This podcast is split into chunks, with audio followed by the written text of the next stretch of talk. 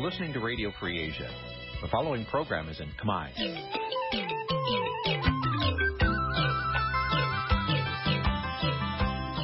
នេះជាកម្មវិធីផ្សាយ Vuthu Azizi Serai នេះជាកម្មវិធីផ្សាយរបស់ Vuthu Azizi Serai ជាភាសាខ្មែរ Vuthu Azizi Serai សូមស្វាគមន៍លោកអ្នកនាងទាំងអស់ពីរដ្ឋធានី Washington នៃសហរដ្ឋអាមេរិក បាទប្រធានាធិបតី Washington ខ្ញុំបាទទីនសាករិយាសូមជម្រាបសួរលោកនាងកញ្ញាទាំងអស់ជាទីមេត្រី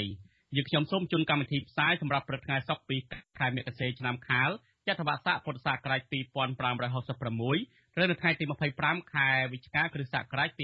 2022បាទជាដំបូងនេះសូមអញ្ជើញលោកនាងកញ្ញាស្ដាប់ព័ត៌មានប្រចាំថ្ងៃដែលមានមេត្តាដូចតទៅកា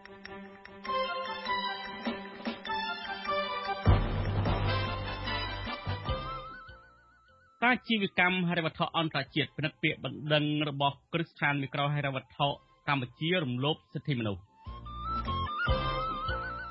គណៈបកប្រឆាំងស្នើរដ្ឋសភាជជែកស៊ីជម្រៅជាសាធារណៈអំពីសេចក្តីច្បាប់ថាវិការជាតិសត្វស្វារាប់ម៉ឺនក្បាលត្រូវគេនាំចេញពីកម្ពុជាដោយគ្មានដំណាភាព បាទនីតិវេទការអ្នកស្ដាប់វិទ្យុអសិរ័យនៅយុគនេះនឹងជជែកអំពីថាតើវិរៈភាពរបស់នាយករដ្ឋមន្ត្រីថ្មីរបស់ប្រទេសម៉ាឡេស៊ីមកពីគណៈបកប្រឆាំងអាចក្លាយជាគំរូនៃការតស៊ូប្រឆាំងនឹងមេដឹកនាំប្រជាការបែបណារួមនឹងព័ត៌មានសំខាន់សំខាន់មួយចំនួនទៀត។បាទលោកនាយកទីមេត្រីជាបន្តទៅនេះខ្ញុំបាទសូមជូនព័ត៌មានពុស្ដា សាជីវកម្មហិរញ្ញវត្ថុអន្តរជាតិ IFC បានសម្រេចទទួលយកពាក្យប្តឹងរបស់បរដ្ឋទៅពិនិត្យមើលដែលបរដ្ឋចាប់ប្រកាន់ថាគ្រឹះស្ថានមីក្រូហិរញ្ញវត្ថុនិងធនាគារចំនួន6នៅកម្ពុជាកំពុងតែរំលោភសិទ្ធិបរដ្ឋដែលជាគោលបំណុលមន្ត្រីសង្គមស៊ីវិលរំពឹងថា IFC នឹងមានវិធានការលើស្ថាប័នផ្ដល់ប្រាក់កម្ចីទាំងនោះដើម្បីបញ្ចប់ការរំលោភបំពានសិទ្ធិបរដ្ឋបាទប្រធានាធិបតីវ៉ាស៊ីនតោនលោកថាសំទោសពីលោកថាថៃរាយការណ៍ពីប្រទេសអូស្ត្រាលីបាទ មន្ត្រីអង្គការសង្គមស៊ីវិលធ្វើការងារផ្នែកសិទ្ធិមនុស្សរំពឹងថាសាជីវកម្មហិរញ្ញវត្ថុអន្តរជាតិ IFC នឹងចាត់វិធានការដើម្បីទប់ស្កាត់ការរំលោភសិទ្ធិមនុស្សក្នុងវិស័យផ្ដល់ប្រាក់កម្ចីទោះជាយ៉ាងណាមន្ត្រីរដ្ឋាភិបាលចោទប្រកាន់ក្រមប្រជាពលរដ្ឋថាមិនបានបំពេញកាតព្វកិច្ចក្នុងនាមជាកូនបំណុលទៅធនាគារនិងគ្រឹះស្ថានមីក្រូហិរញ្ញវត្ថុចាត់វិធានការលើពួកគេ នាយកទទួលបន្ទុកកិច្ចការទូតនៃអង្គការលីកាដូលោកអំសំអាតសង្ឃឹមថាសាជីវកម្មហិរញ្ញវត្ថុអន្តរជាតិនឹងផ្ដល់ដំណោះស្រាយសមរម្យជូនប្រជាពលរដ្ឋដែលរងគ្រោះនិងរងផលប៉ះពាល់ដោយការផ្ដល់ប្រាក់កម្ចីពីធនាគារនិងគ្រឹះស្ថានមីក្រូហិរញ្ញវត្ថុនៅកម្ពុជាមន្ត្រីសិទ្ធិមនុស្សរូបនេះក៏ចង់ឃើញស្ថាប័នអន្តរជាតិ IFC មានវិធានការលើស្ថាប័នផ្ដល់ប្រាក់កម្ចីដើម្បីទប់ស្កាត់ការរំលោភបំពានលើពលរដ្ឋដែលខ្ចីលុយស្ថាប័នទាំងនោះ កន្លងមកគឺគេទុកពេលសម្រាប់ឲ្យភាគីដែលពាក់ព័ន្ធជាពិសេសខាងមីក្រូហិរញ្ញវត្ថុនិងនីតិមានការពាក់ព័ន្ធនឹងធ្វើការសម្របសម្រួលនិងដោះស្រាយគ្នាប៉ុន្តែឥឡូវចូលដល់នីតិវិធីទី2ហើយដែលសារមិនមានភាពជឿនលឿនទៅមុខគឺស្ថាប័នដល់ឡោមសារជីវកម្មហិរញ្ញវត្ថុអន្តរជាតិនឹងចាប់ផ្ដើមពិនិត្យនិងធ្វើការស៊ើបអង្កេតទៅលើរឿងនឹងដើម្បីស្វែងរកដំណោះស្រាយ អង្គការលីកាដូឲ្យដឹងថាពេលនេះការិយាល័យភាពអនុលោមទីប្រឹក្សាដោះស្រាយវិវាទនៃសាជីវកម្មអន្តរជាតិបានសម្រេចត្រួតពិនិត្យអនុលោមភាពនៃបណ្ដឹងមីក្រូហិរញ្ញវត្ថុនៅកម្ពុជាសេចក្តីថ្លែងការណ៍អង្គការលីកាដូចុះកាលពីថ្ងៃទី15ខែវិច្ឆិកាឲ្យដឹងថាស្ថាប័នអន្តរជាតិមួយនេះនឹងចាត់វិធានការមួយដែលជាការគ្រប់គ្រងសិទ្ធិមនុស្សក្នុងវិស័យហិរញ្ញវត្ថុនេះនាយិកាទទួលបន្ទុកកិច្ចការក្រៅតំបន់នៃអង្គការលីកាដូអ្នកនាងណាលីពីលោកលើកឡើងក្នុងសេចក្តីថ្លែងការណ៍នោះដែរថា នេះជាដំណាក់កាលសំខាន់ដើម្បីឆ្ពោះទៅកាន់គណនេយ្យភាពក្រោយមានគ្រឹះស្ថានមីក្រូហិរញ្ញវត្ថុនិងធនាគារបានរំលោភបំពានសិទ្ធិពលរដ្ឋជាច្រើនឆ្នាំមកនេះអ្នកនាងណាលីពីលោកបន្តថាប្រជាពលរដ្ឋអ្នកខ្ចីប្រាក់កំពុងរងគ្រោះរាល់ថ្ងៃដែលត្រូវបានគេរកឃើញថាមានការលក់ដីដោយសារការជំពាក់បំណុលកើនឡើងនៅរៀងរាល់16នាទីម្ដង អង្គការសម្ព័ន្ធខ្មែរជំរឿននឹងការពារសិទ្ធិមនុស្សហៅកាត់ថាលីកាដូនិងអង្គការសមត្ថៈកម្ពុជាកាលពីខែកុម្ភៈតំណាងឲ្យប្រជាពលរដ្ឋអ្នកខ្ចីប្រាក់ពីគ្រឹះស្ថានមីក្រូហិរញ្ញវត្ថុនិងធនាគារបានដាក់ពាក្យបណ្ដឹងទៅសាជីវកម្មហិរញ្ញវត្ថុអន្តរជាតិករណីរំលោភបំពានសិទ្ធិពលរដ្ឋជាកូនបំណុលពាក្យបណ្ដឹងនោះចោទប្រកាន់ថាគ្រឹះស្ថានមីក្រូហិរញ្ញវត្ថុនិងធនាគារចំនួន6បានរំលោភបំពានសិទ្ធិមនុស្សនិងការរំលោភបំពានលើបទដ្ឋានអនុវត្តស្តង់ដារលើប្រាក់កម្ចីឥណទានខ្នាតតូចនៅកម្ពុជា ស្ថាប័នទាំងនោះរួមមានធនាគារអេស៊ីលីដាធនាគារហាត់ថាធនាគារស្ថាបនាគ្រឹះស្ថានមីក្រូហិរញ្ញវត្ថុអមរិតគ្រឹះស្ថានមីក្រូហិរញ្ញវត្ថុ LOLC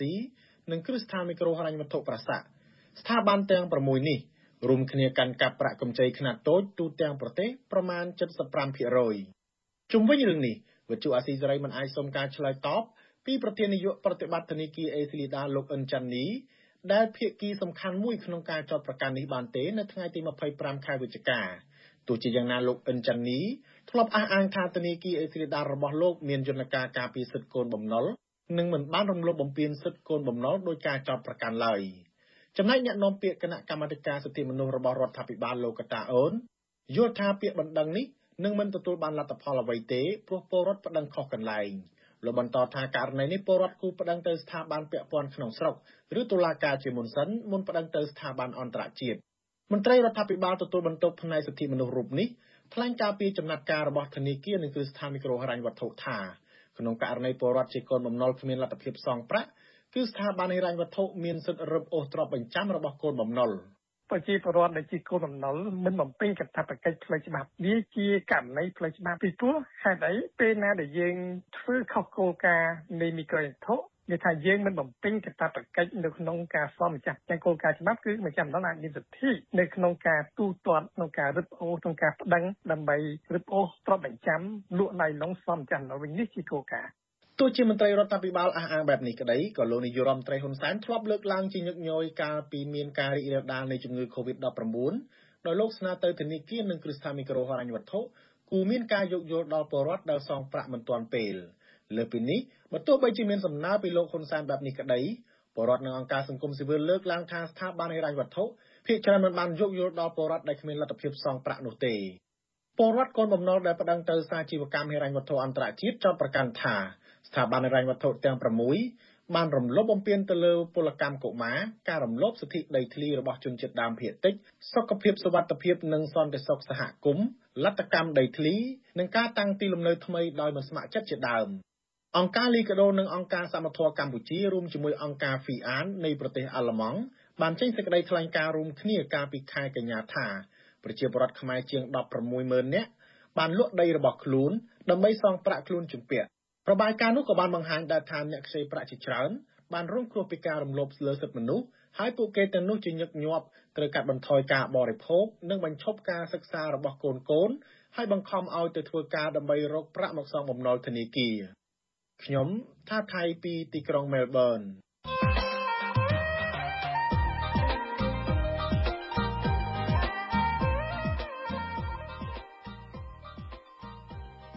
បាទលោកទីមិត្តមេដឹកនាំគណៈបកប្រឆាំងដ៏ធំជាងគេនៅម៉ាឡេស៊ីគឺលោកអាន់វ៉ាអ៊ីប្រាហ៊ីមត្រូវបានព្រះមហាក្សត្រតែងតាំងជានាយករដ្ឋមន្ត្រីថ្មីហើយក្រោយពីលោកបានតស៊ូដឹកនាំគណៈបកប្រឆាំងនៅក្នុងឆាកនយោបាយម៉ាឡេស៊ីអស់រយៈពេលជាច្រើនទសវត្សរ៍កន្លងមកនៅមុនពេលលោកបានទទួលបានជោគជ័យនៃការបោះឆ្នោតដ៏ត្រចះទីចុងនេះលោកក៏ធ្លាប់ត្រូវបានគណៈបកកណ្ដាលអំណាចចាប់ដាក់ពន្ធនាគារម្ដងជាពីរដងដែរប៉ុន្តែលោកមិនដកថយក្នុងការដឹកនាំគណៈបកប្រឆាំងដើម្បីចូលរួមការបោះឆ្នោតនោះឡើយ។ នៅទីបំផុតទៅ ការតស៊ូនឹងសុបិនរបស់លោកបានខ្លាចជាការពិតតាមរយៈការបោះឆ្នោតកាលពីថ្ងៃសៅរ៍ទី19វិច្ឆិកាកន្លងទៅគឺសម្ព័ន្ធគណៈបកប្រឆាំងរបស់លោកទទួលបានជ័យជំនះតើការព្យាយាមនឹងវិរភាពរបស់លោកអាន់វ៉ាអ៊ីប្រាហ៊ីមនេះជាគំរូនៃការតស៊ូប្រឆាំងនឹងមេដឹកនាំផ្ដាច់ការបែបណាបាទសូមលោកនាងរងចាំទស្សនានីតិវេទការអ្នកស្ដាប់អាស៊ីសេរីដែលនឹងជជែកអំពីបញ្ហានេះនាពេលបន្តិចទៀតនេះបើសិនជាលោកនាងមានសំណួរចង់សួរមកកាន់វាគ្មិនរបស់យើង សូមលោកនាងដាក់លេខទូរស័ព្ទនៅក្នុងខ្ទង់ comment ដែលយើងកំពុងតែផ្សាយផ្ទាល់នៅលើបណ្ដាញសង្គម Facebook YouTube នេះយើងខ្ញុំនឹងហៅទៅលោកនាងវិញហើយវាគ្មិនពិសេសរបស់យើងពីររូបនៅយប់នេះគឺយើងមានលោកមនិតសេងសេរីនិងលោកគុំសុកដែលលោកនឹងបកស្រាយជំវិញនឹងប្រធានបទនេះបាទនៅក្នុងវេទិកានីតិវេទិកាអ្នកស្ដាប់អាស៊ីសេរីនេះខ្ញុំក៏នឹងមានរៀបរាប់អំពីប្រវត្តិតស៊ូរបស់លោកអាន់វ៉ៃអ៊ីប្រាហ៊ីមជំរាបជូនលោកនាងដែរថាតើការតស៊ូរបស់លោកនឹងយ៉ាងដូចម្តេចខ្លះហើយលោកប្រឈម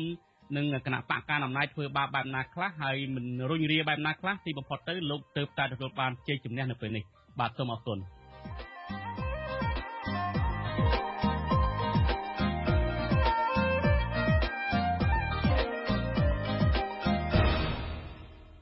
បាទលោកទីមិត្តរីយើងងាកមកមើលសំណុំរឿងលេខទុកដនៅខេត្តកណ្ដាលឯនេះវិញ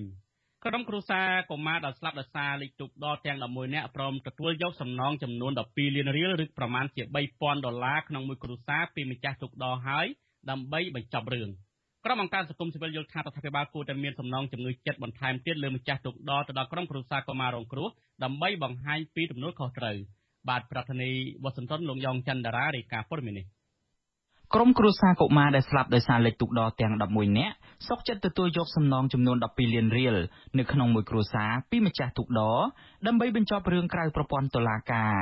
ក៏ប៉ុន្តែអ្នកច្បាប់និងមន្ត្រីសិទ្ធិមនុស្សយល់ថាពួកគាត់នៅតែមានសិទ្ធិប្តឹងទាមទារសំណងបន្ថែមទៀតពីរដ្ឋាភិបាលចំពោះសោកនាដកម្មដ៏សោកសង្រេងមួយនេះ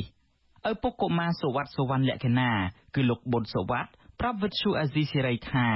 ក្រុមគ្រួសារកុមារទាំង11នាក់បានព្រមព្រៀងទទួលយកសំណងជំងឺចិត្តពីម្ចាស់ទូកដ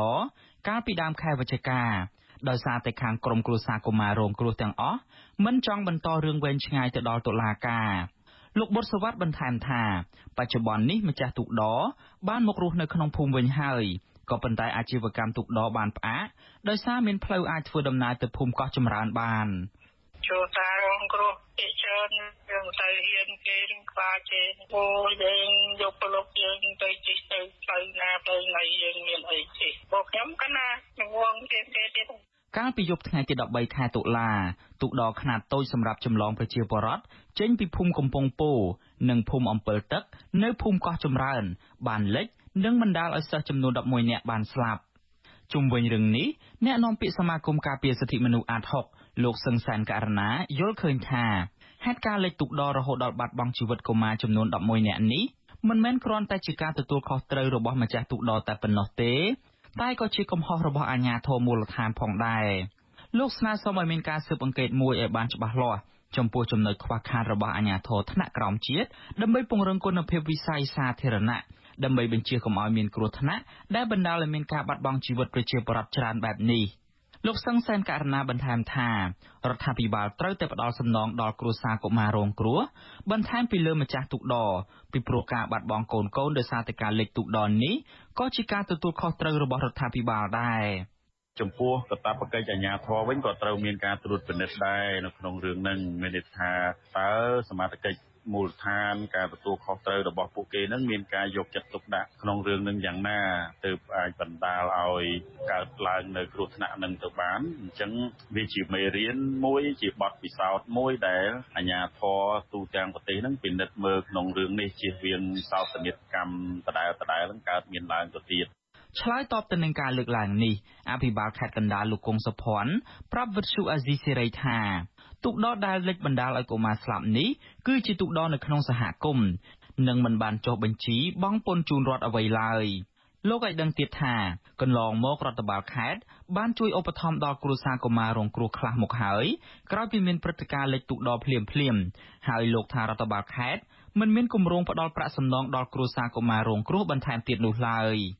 ការឧបត្ថម្ភយកចិត្តទុកដាក់នេះវាបានច្រើនហើយយើងមិនពេញជាថាការបានប្រមាណនេះគាត់តែគាត់ថា យកទៅប្រើប្រាស់បានជួយគ្នាក្នុងទស្សធម៌ធម្មតាប៉ុន្តែក៏វាជាការដែលរៀបរយមួយសំរុំរហូតមកដល់ពេលនេះគេនៅមិនទាន់ឃើញមានអាជ្ញាធរចេញមុខទទួលខុសត្រូវចំពោះការលិចទូកដរបណ្ដាលឲ្យស្លាប់សិស្សចំនួន11នាក់កាលពីថ្ងៃទី13ខែតុលានោះនៅឡើយទេក្រុមគ្រួសារសពកុមាររងគ្រោះកាលពីពេលកន្លងទៅ បានទាមទារឲ្យម្ចាស់ទូកដរសងជំងឺចិត្តចំនួន20លានរៀលនៅក្នុងមួយគ្រួសារសព ក៏ប៉ុន្តែភាគីម្ចាស់ទូកដរបានលើកឡើងថាខ្លួនមានលទ្ធភាពអាចសងត្រឹមតែ8លានរៀលនៅក្នុងមួយគ្រួសារប៉ុណ្ណោះទោះជាយ៉ាងណាការសងជំងឺចិត្ត12លានរៀលនៅក្នុងមួយគ្រួសារបែបនេះហាក់ដូចជានៅតិចតួចនៅឡើយបើប្រៀបធៀបជាមួយការជួយដល់គ្រួសារជនរងគ្រោះនៅក្នុងព្រឹត្តិការណ៍នៅស្ពានកោះពេជ្រនិងការដួលរលំអគារសំណង់នៅខេត្តព្រះសីហនុជាដើមដែលកាលនោះក្រុមគ្រួសារសពនីមួយៗបានទទួលសំណងរហូតដល់រាប់ម៉ឺនដុល្លារអាមេរិក។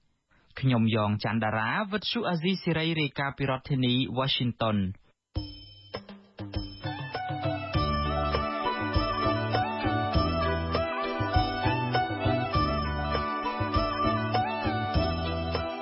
ដូចទីមួយត្រីដំណើរគ្នានឹងស្ដាប់ការផ្សាយវិទ្យុអសិរ័យតាមបណ្ដាញសង្គម Facebook YouTube លោកនាងក៏អាចស្ដាប់កម្មវិធីផ្សាយរបស់វិទ្យុអសិរ័យតាមរយៈរលកធាតុអាកាសខ្លីឬ Software តាមកម្រិតនិងកម្ពស់ដូចតទៅនេះ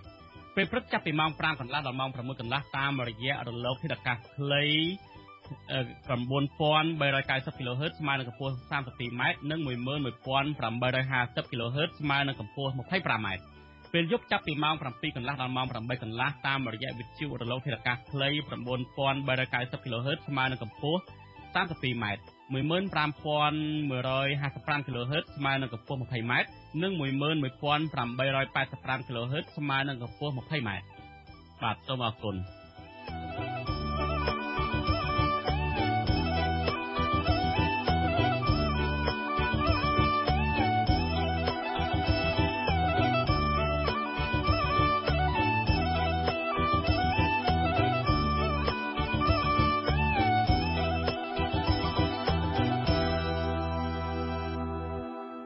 លោកជាទីមេត្រីនៅស្របពេលដែលអាមេរិកបានចាប់ខ្លួនមន្ត្រីកសិកម្មម្នាក់រឿងជួញដូរសត្វស្វានោះឥឡូវនេះអង្គការសហប្រជាជាតិ UN Comtrade បានបង្ហាញទិន្នន័យថាសត្វស្វារាប់ម៉ឺនក្បាលត្រូវបានគេនាំចេញពីកម្ពុជាដោយមិនបានរាយការណ៍ចុះក្នុងបញ្ជីនៅរយៈពេល10ឆ្នាំចុងក្រោយនេះសកម្មជនបរិស្ថានសរសៃលើករណីនាំចេញសត្វស្វានេះថាជាករណីខុសច្បាប់ដែលជាប់ពាក់ព័ន្ធនឹងមន្ត្រីរដ្ឋាភិបាល។ បាទប្រធានាធិបតីវ៉ាស៊ីនតោនលោកសេងបណ្ឌិតរាយការណ៍ព័ត៌មាននេះទិន្នន័យរបស់អង្គការសហប្រជាជាតិ UN Comtrade បង្ហាញថាកម្ពុជាបាននាំចេញសត្វស្វាជាង100000ក្បាល ដែលមានតម្លៃជាង334លានដុល្លារចាប់ពីឆ្នាំ2012ដល់ឆ្នាំ2021ទិន្នន័យនេះបង្ហាញថាប្រទេសដែលបានរាយការណ៍ពីការនាំចូលសត្វស្វាពីកម្ពុជា រួមមានអាមេរិក កាណាដា កូរ៉េខាងត្បូង ជប៉ុន សិង្ហបុរី ចិន និងប្រទេសថៃជាដើមក្នុងនោះសហរដ្ឋអាមេរិកនាំចូលសត្វស្វាពីកម្ពុជាច្រើនជាងគេ ដែលមានចំនួនជិត70000ក្បាលគិតជាទឹកប្រាក់ជាង200លានដុល្លារចំពោះទិន្នន័យការនាំចេញសត្វស្វារាប់ម៉ឺនក្បាលទៅកាន់ប្រទេសនេះខាងភៀកគីកម្ពុជា ដែលជាប្រទេសនាំចេញមិនបានរាយការណ៍ទៅស្ថាប័ន UN Comtrade ដើម្បីដាក់ទៅក្នុងទិន្នន័យការនាំចេញឡើយការបង្ហាញទិន្នន័យនេះ ធ្វើឡើងបន្ទាប់ពីប្រធាននាយកដ្ឋានសត្វព្រៃនិងជីវៈចម្រុះ លោកគ្រីម៉ាស់ផល ត្រូវបានសមត្ថកិច្ចអាមេរិកចាប់ខ្លួន កាលពីថ្ងៃទី16ខែវិច្ឆិកាឆ្នាំ2022នៅអាកាសយានដ្ឋានអន្តរជាតិ John F Kennedy ក្នុងរដ្ឋ New York សហរដ្ឋអាមេរិកពាក់ព័ន្ធនឹងការរត់ពន្ធសត្វស្វាព្រៃឬស្វាក្តាមខុសច្បាប់ក្នុងនោះអគ្គនាយកដ្ឋានរដ្ឋបាលព្រៃឈើនៃក្រសួងកសិកម្មលោកកៅអូម៉ាលីស និងបុគ្គលិក6នាក់របស់ក្រុមហ៊ុនឈ្មោះ Wani Bio Research ក៏ត្រូវបានអាជ្ញាធរអាមេរិកដាក់ការសង្ស័យដោយរកឃើញថាមានជាប់ពាក់ព័ន្ធនឹងករណីនេះដែរតែកតិននឹងរឿងនេះអ្នកនាំពាក្យក្រសួងកសិកម្មកញ្ញាអឹមរចនាប្រាប់បទសុអាស៊ីសេរីដោយស្រង់សម្ដីរបស់រដ្ឋមន្ត្រីក្រសួងកសិកម្មលោកដិតទីណា លើបណ្ដាញ Twitter ថា ក្នុងរយៈពេល3ឆ្នាំចុងក្រោយនេះកម្ពុជាបាននាំចេញសត្វស្វាចំនួនជិត70000ក្បាល ហើយការនាំចេញនេះក្រសួងបានអនុវត្តតាមគោលការណ៍ស្របតាមអនុសញ្ញាស្តីពីការហាម5ការធ្វើពាណិជ្ជកម្មអន្តរជាតិលើប្រភេទសត្វនិងរុក្ខជាតិព្រៃដែលប្រឈមនឹងការជិតផុតពូជហៅថាសាយតេសកញ្ញាបញ្ជាក់ថា ដោយគោរពតាមអនុសញ្ញាសាយតេសសូម្បីតែសត្វស្វាវត្តភ្នំក៏មិនត្រូវបាននាំចេញដែរហើយមានតែកូនស្វាចំនួនក្រោយដែលចិញ្ចឹមនៅកសិដ្ឋានប៉ុណ្ណោះដែលអាចនាំចេញ និងសម្រាប់គោលដៅស្រាវជ្រាវផ្នែកវិទ្យាសាស្ត្រតែប៉ុណ្ណោះទោះជាយ៉ាងនេះក្តីសកម្មជនបរិស្ថានយល់ឃើញថាទិន្នន័យរបស់ក្រសួងកសិកម្មគ្មានតម្លាភាពនិងគ្មានភាពច្បាស់លាស់ឡើយពួកគេយល់ឃើញថានៅក្នុងទិន្នន័យដែលរដ្ឋមន្ត្រីក្រសួងកសិកម្មលោកដិតទីណាលើកឡើងនោះមិនបានបញ្ជាក់ពីប្រទេសដែលទទួលទិញចំនួនទឹកប្រាក់និងពន្ធបង់ចូលរដ្ឋដែលបានមកពីការនាំចេញនោះឡើយចំណែកឯការនាំចេញនោះទៀតសោតក៏ធ្វើឡើងដោយស្ងៀមស្ងាត់ ដោយមិនបានដាក់ក្នុងបញ្ជី UN Comtrade យ៉ាងដូចនេះនឹងនាំឲ្យមហាជនសង្ស័យថា ជាការលួចនាំចេញដោយកិច្ចពន្ធផ្ទុយពីការលើកឡើងរបស់ក្រសួងបរិស្ថានកម្ពុជា ក្រសួងយុទ្ធភ័ពអាមេរិកវិញ បានបង្ហាញភស្តុតាងដាក់បន្ទុកចំនួន31រួមមានប្រតិបត្តិការហិរញ្ញវត្ថុនិងការដឹកជញ្ជូនសត្វស្វារាប់រយក្បាលក្រោមឯកសារក្លែងបន្លំទៅកាន់រដ្ឋ Florida និងរដ្ឋ Texas នៃសហរដ្ឋអាមេរិក ទៅកាន់ក្រុមហ៊ុនស្រាវជ្រាវផ្នែកជីវសាស្ត្រឯកជនមួយឈ្មោះ Wani Bio Research របស់ចិនហុងកុងក្នុងខេត្តពោធិ៍សាត់ប្រទេសកម្ពុជាជុំវិញរឿងនេះស្ថាបនិកចលនាមេដាធម្មជាតិលោកអាលិច សង្ស័យថាការជួញដូរសត្វស្វានេះពាក់ព័ន្ធនឹងមន្ត្រីក្នុងជួររដ្ឋាភិបាលលោកហ៊ុនសែនដែលតែងតែខុបខិតគ្នារកស៊ីកិច្ចពន្ធខុសច្បាប់សកម្មជនបរិស្ថានជនជាតិអេស្ប៉ាញរូបនេះបន្តថាមន្ត្រីរបស់លោកហ៊ុនសែន ទំនងកំពុងប្រាល្បិចកលក្នុងការជួញដូរសត្វស្វាព្រៃទ្រង់ទ្រាយធំទៅកាន់ក្រៅប្រទេសដោយបន្លំឯកសារថាជាស្វាចិញ្ចឹមទោះយ៉ាងណា លោកបញ្ជាក់ថាបើភេកគីក្រសួងបរិស្ថាន ពិតជាស្អាតស្អំមែនគួរតែរាយការណ៍ពីចំនួនសត្វស្វាដែលនាំចេញទៅកាន់ UN Comtrade និងបង្ហាញភស្តុតាងទៅកាន់ក្រសួងយុទ្ធភ័ពអាមេរិកដើម្បីដោះបន្ទុកប្រសើរជាងការនិយាយតែមាត់យ៉ាងដូចនេះ។ ចុះគាត់មានឯកសារទេ មានអីជាអំណះអំណាងទេដែលថាស្វាហ្នឹងគឺមិនមែនស្វាព្រៃទេគឺស្វាគេចិញ្ចឹមមានទេឬក៏មានត្រឹមពាក្យសម្ដីតាម Twitter ហ្នឹងវាអត់គ្រប់គ្រាន់ណាហើយអ្វីដែលយើងមានហ្នឹងដែលជាឯកសារផ្លូវការយើងមានឯកសាររបស់អង្គការសហប្រជាជាតិដែលថាកម្ពុជាមិនបានរាយការណ៍ថានាំចេញស្វា17000ក្បាលដោយលោកដឹកទីណាអាងទេគ្មានហ្មងណាសត្វស្វាក្តាមគឺជាប្រភេទសត្វព្រៃដែលជិតផុតពូជមួយនៅលើពិភពលោក ដែលត្រូវបានការពារដោយអនុសញ្ញាស្តីពីការហាម5ការធ្វើពាណិជ្ជកម្មអន្តរជាតិលើប្រភេទសត្វនិងរុក្ខជាតិព្រៃដែលប្រឈមនឹងការជិតផុតពូជដែលហៅកាត់ថា CITES និងបានការពារដោយច្បាប់របស់សហរដ្ឋអាមេរិកទន្ទឹមគ្នានេះប្រជាពលរដ្ឋបារម្ភថាសត្វស្វាទាំងនេះត្រូវបានគេនាំយកទៅលក់តាមភោជនីយដ្ឋានដើម្បីចោះយកខួរមកបរិភោគក្រៅពីករណីរត់ពន្ធសត្វស្វាព្រៃឬសត្វស្វាក្តាមខុសច្បាប់នេះរដ្ឋាភិបាលកម្ពុជា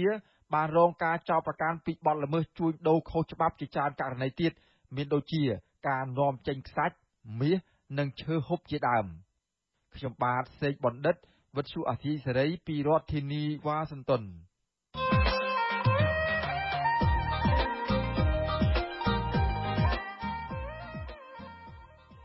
បានលោកជាទីមេត្រីមេដឹកនាំគណៈបកប្រឆាំងដ៏ធំជាងគេនៅប្រទេសម៉ាឡេស៊ីគឺលោកអាន់វ៉ាអ៊ីប្រាហ៊ីមត្រូវបានព្រះមហាក្សត្រតែងតាំងជានាយករដ្ឋមន្ត្រីថ្មីហើយក្រោយពីលោកបានតស៊ូដឹកនាំគណៈបកប្រឆាំងនៅក្នុងឆាកនយោបាយអស់រយៈពេលជាច្រើនទសវត្សរ៍កន្លងមកនៅមុនពេលលោកត្រូវបាននៅមុនពេលលោកទទួលបានជ័យជំនះលើការបោះឆ្នោតដ៏ត្រចះត្រចង់នេះលោកក៏ធ្លាប់ត្រូវបានគណៈបកកណ្ដាលអំណាចចាប់ដាក់ពន្ធនាគារម្ដងជាពីរដងដែរប៉ុន្តែលោកមិនដកថយក្នុងការដឹកនាំគណៈបកប្រឆាំងដើម្បីចូលរួមការបោះឆ្នោតនោះឡើយ នៅទីបំផុតទៅការតស៊ូនឹងសុបិនរបស់លោកបានខ្លាចជាការពិតតាមរយៈការបោះឆ្នោតកាលពីថ្ងៃសៅរ៍ទី19វិច្ឆិកាកន្លងទៅគឺសម្ព័ន្ធគណៈបកប្រឆាំងរបស់លោកទទួលបានជ័យជំនះ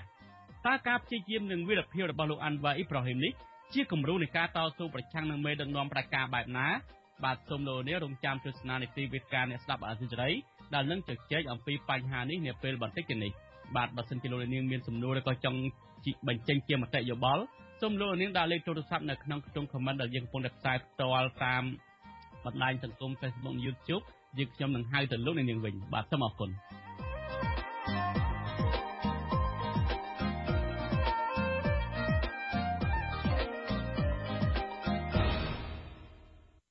បាទលោកនេះជាទីមួយត្រីតទៅនឹងការផ្ដាល់ដីសម្បត្តិសង្គមគិច្ចដែលធ្វើឲ្យប៉ះពាល់ព្រៃឈើវិញព្រៃសហគមន៍ឧត្តមច្រែពោះជិត400ហិកតាអាចនឹងបាត់បង់ ដោយសារតែការផ្ដាល់គម្រោងបង្កើតដីសម្បត្តិសង្គមគិច្ចប្រជាសហគមន៍ខេត្តកំពង់ស្ពឺបន្តអំពាវនាវឲ្យក្រសួងមហាផ្ទៃចាត់វិធានការផ្លូវច្បាប់ដល់អ្នកពាក់ព័ន្ធដែលឈូសឆាយរំលោភដីសហគមន៍ជាបន្តបន្ទាប់បាទប្រធានាធិបតីវ៉ាស៊ីនតោនលោកជាតិចំណានរាយការណ៍ព័ត៌មាននេះប្រជាសហគមន៍រស់នៅភូមិពោមាសឃុំត្រពាំងចូលស្រុកអូរ៉ាល់ទាមទារឲ្យក្រសួងមហាផ្ទៃនិងរដ្ឋាភិបាលលុបអនុក្រឹត្យអនុប្រយោគដីព្រៃសហគមន៍ឧត្តមស្រែពោះឬព្រៃមេតាធម្មជាតិចេញជាបន្ទាន់ដើម្បីសង្គ្រោះសត្វព្រៃនិងព្រៃឈើដែលទទួលរងការឈូសឆាយអស់ជិត400ហិកតានៅរយៈពេល6ខែចុងក្រោយនេះសំណើនេះក្រោយពីក្រសួងមហាផ្ទៃបានស្នើទៅអភិបាលខេត្តកំពង់ស្ពឺលោកវីសំណាងឲ្យចាត់ចែងដោះស្រាយបញ្ហាដីព្រៃដែលក្រុមអតីតបញ្ជាការដ្ឋានរថក្រកងទ័ពជើងគោកនិងបកពួកទៅឈូសឆាយបំផ្លិចបំផ្លាញធនធានធម្មជាតិក្នុងតំបន់ព្រៃឧត្តមស្រែពោះព្រៃសហគមន៍ឧត្តមស្រែពោះឬហៅថាព្រៃមេតាធម្មជាតិគឺជាផ្នែកមួយនៃដែនជម្រកសត្វព្រៃភ្នំអូរ៉ាល់ ហើយត្រូវបានចុះបញ្ជីទទួលស្គាល់ជាព្រៃអភិរក្សពីក្រសួងបរិស្ថាន កាលពីឆ្នាំ2022តំបន់នោះមានភូមិសាស្ត្រប្រជុំភ្នំខ្ពង់រាបបត់បែនតភ្ជាប់ពីជ្រលងភ្នំអូរ៉ាល់ដែលអាចធ្វើឲ្យសត្វព្រៃកម្រអាចផ្លាស់ទីបានយ៉ាងងាយស្រួលហើយអ្នកភូមិដែលរស់នៅព័ទ្ធជុំវិញព្រៃអភិរក្សនោះតែងតែទទួលប្រយោជន៍ពីភ្ញៀវទេសចរឃ្វាលគោក្របីបេះបន្លែផ្លែឈើរកថ្នាំបុរាណអុចវល្លិនិងរកផ្សិតជាដើមបន្ថែមពីនេះព្រៃអភិរក្សនេះ មានសត្វព្រៃកម្រជាច្រើនប្រភេទរស់នៅរួមមានទោចស្វាក្ងោកមាន់ព្រៃនិងឆ្លុះជាដើមដែលកំពុងបាត់បង់ទីជម្រកនិងខ្លះរត់ទៅជ្រកតំបន់ផ្សេងហើយសត្វព្រៃខ្លះទៀតត្រូវគេលួចបរបាញ់សម្រាប់ធ្វើជាអាជីវកម្មតំណាងសហគមន៍លោកសុកលីសាទរចំពោះចំណាត់ការរបស់ក្រសួងមហាផ្ទៃហើយពួកលោកទទូចឲ្យដកហូតដីព្រៃស្រោងដែលឈូសឆាយអស់រាប់រយហិកតាកន្លងទៅដើម្បីដាំដើមឈើឡើងវិញនិងកំណត់ព្រំប្រទល់ដីព្រៃសហគមន៍ឲ្យបានច្បាស់លាស់ លោកស្នើឲ្យក្រសួងនិងអាជ្ញាធរខេត្តសិក្សាឲ្យលម្អិតតើការផ្ដល់ដីសម្បត្តិសង្គមគិច្ចនេះពិតជាបានជូនដល់គ្រួសារយោធាក្រីក្រឬក៏វិនិយោគឲ្យក្រុមឈ្មួញខលខូចសម្រាប់ប្រជាពលរដ្ឋយើងទាំងអស់គឺចង់បានទុកដីទុកព្រៃសម្រាប់ឲ្យប្រជាពលរដ្ឋយើងមូលដ្ឋានអត្រ័យផលការពារសម្រាប់ឲ្យសត្វព្រៃសត្វអីនៅមានភ្ញៀវទេសចរចូលលេងតែជាស្ដីឥឡូវអាឡែងព្រៃស្រោងឈូសឆាយអស់លីងហើយគាត់តែអស់ព្រៃគាត់អត់មានកន្លែងមើលគួរឥឡូវដីជាអៀតដីកាន់តែរួមទៅហើយទៅខាងលិចក្រុមហ៊ុនដំឡូងទៅខាងជើងក្រុមហ៊ុនចការអំពៅ ការជែកនៅសល់តែវល់វល់ភូមិក្នុងភូមិយើងនឹងតំណាងសហគមន៍រូបនេះសង្កេតឃើញថាព្រៃស្រោងទំហំជិត400ហិកតាដែលយោធាង70ជុះឆាយកន្លងទៅប៉ះពាល់តំបន់ព្រៃសហគមន៍ដែលពលរដ្ឋអាស្រ័យផលមិនមែនបែងចែកជូនគ្រួសារកងទ័ពក្រីក្រនោះឡើយលោកថាបច្ចុប្បន្ន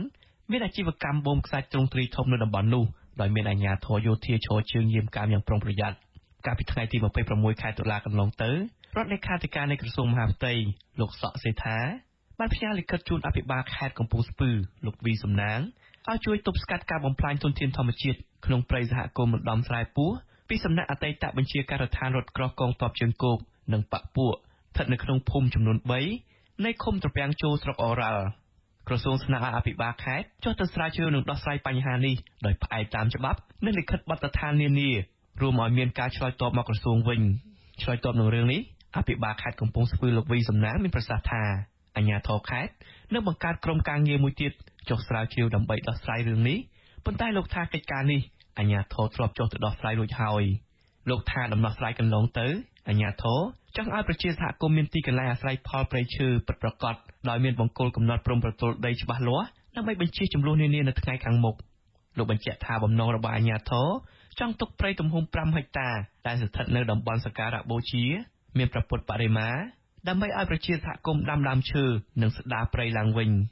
ការងារយើងមានឆន្ទៈមួយកំណត់ចង់យកតាមម្ដុំដែលកន្លែង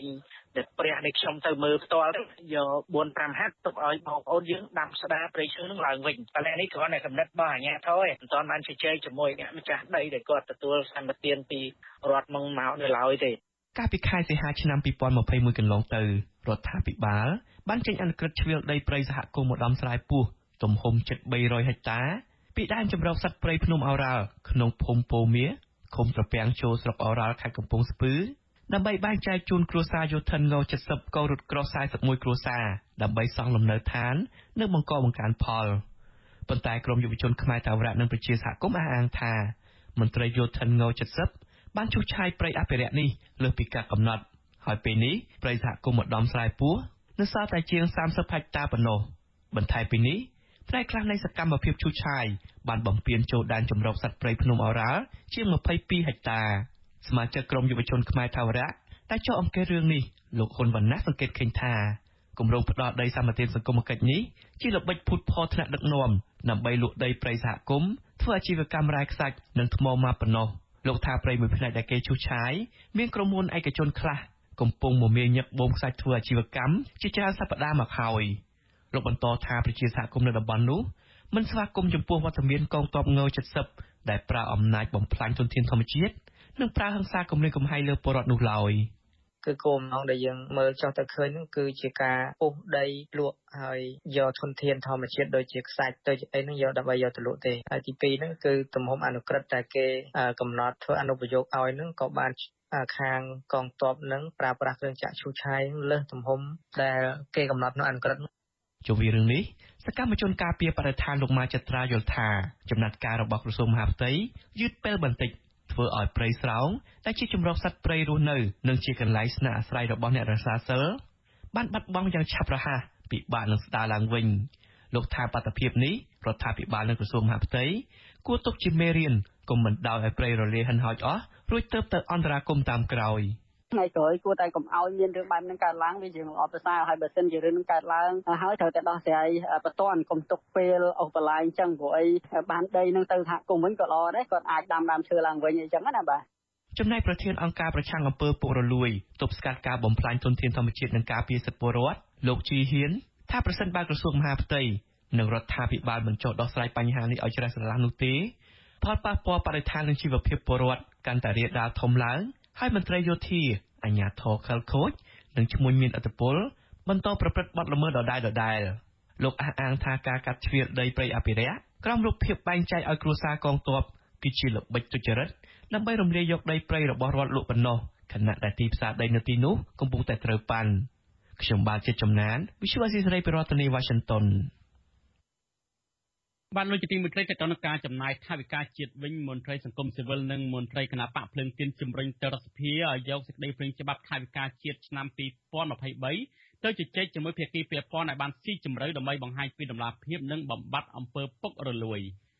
ការលើកឡើងនេះធ្វើឡើងបន្ទាប់ពីរដ្ឋសភាបានសម្រេចបញ្ជូនសេចក្តីព្រាងច្បាប់នោះទៅពិនិត្យពិភាក្សានិងអនុម័តនៅក្នុងកិច្ចប្រជុំពេញអង្គក្នុងពេលឆាប់ៗនេះ ដោយមិនឆ្លងកាត់ការពិគ្រោះយោបល់ពីអង្គការសង្គមស៊ីវិលនិងប្រជាពលរដ្ឋឲ្យបានទូលំទូលាយនោះទេបាទសូមលោកលានរងចាំស្ដាប់សេចក្តីរាយការណ៍នេះនៅក្នុងការផ្សាយរបស់យើងនាព្រឹកស្អែក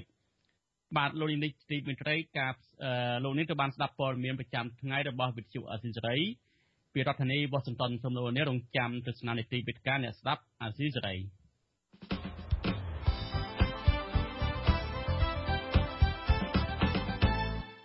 បាទខ្ញុំបាទទីនសាករិយាសូមជម្រាបសួរលោកនាងជាថ្មីម្ដងទៀតជាបន្តទៅនេះគឺនេះជានីតិវេទិកាអ្នកស្ដាប់អាស៊ីសេរី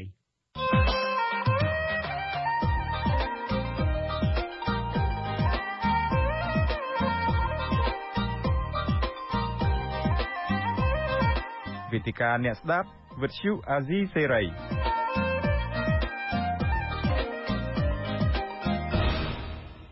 បាទខ្ញុំបាទ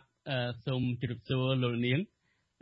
នីតិវិទ្យាអ្នកស្ដាប់អាស៊ីសេរីនៅពេលនេះគឺយើងមានវិក្កាមពីររូបគឺលោកមនិតសេងសេរីហើយនិងលោកកឹមសុខហើយប្រធានបទដែលយើងនឹងជជែកគ្នានៅពេលនេះយើងជជែកថាតើការព្យាយាមនឹងវិរភាពរបស់មេដឹកនាំគណៈបកប្រឆាំងនៅម៉ាឡេស៊ីគឺលោកអាន់វ៉ៃប្រហ៊ីមនោះគឺជាគំរូនៃការតស៊ូប្រឆាំងនឹងមេដឹកនាំប្រការបែបណាបាទខ្ញុំបានឃើញលោកមនិតសេងសេរីហើយជម្រាបសួរលោកមនិតបាទបាទជម្រាបសួរបាទបាទសុខសប្បាយទេលោកបាទ សុខសប្បាយបាទសុខសប្បាយបាទអរគុណដែលលោកដិតសេនស៊ូរីបានចូលរួមហើយវិក្កាមយើងមួយរូបនេះគឺលោកកុំសុកនេះខ្ញុំមិនទាន់ឃើញទេហើយខាងបច្ចេកទេសកំពុងតែព្យាយាមតាក់ទងលោកបាទមុនបាទមុននឹងខ្ញុំសួរសំណួរទៅកាន់លោកវិក្កាមទាំងពីរលោកដិតសេនស៊ូរីលោកកុំសុកខ្ញុំសូមលើកអំពី លទ្ធផលនៃការបោះឆ្នោតម៉ាឡេស៊ីនេះបន្តិចសិនហើយមុននឹងឈានដល់មានការបង្រួបបង្រួម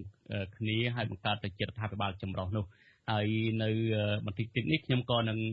រៀបរាប់អំពីប្រវត្តិតស៊ូរបស់លោកអាន់វ៉ៃអ៊ីប្រាហ៊ីមបន្តិចដែរបាទលោកនាងជាទីមេត្រីដោយលោកនាងបានដឹងខ្លះហើយយើងឃើញថាក្នុងសប្តាហ៍កន្លងទៅនេះគឺចាប់ពីថ្ងៃសៅរ៍មកហ្នឹងគឺលទ្ធផលនៃការបោះឆ្នោតនៅប្រទេសម៉ាឡេស៊ីហ្នឹងគឺបាន ឃើញភ្លាមភ្លាមគឺនៅថ្ងៃសៅរ៍ទី29វិច្ឆិកាដែលជាថ្ងៃបោះឆ្នោតហើយលទ្ធផលបានបង្ហាញថាយើងឃើញថាសម្ព័ន្ធគណៈបក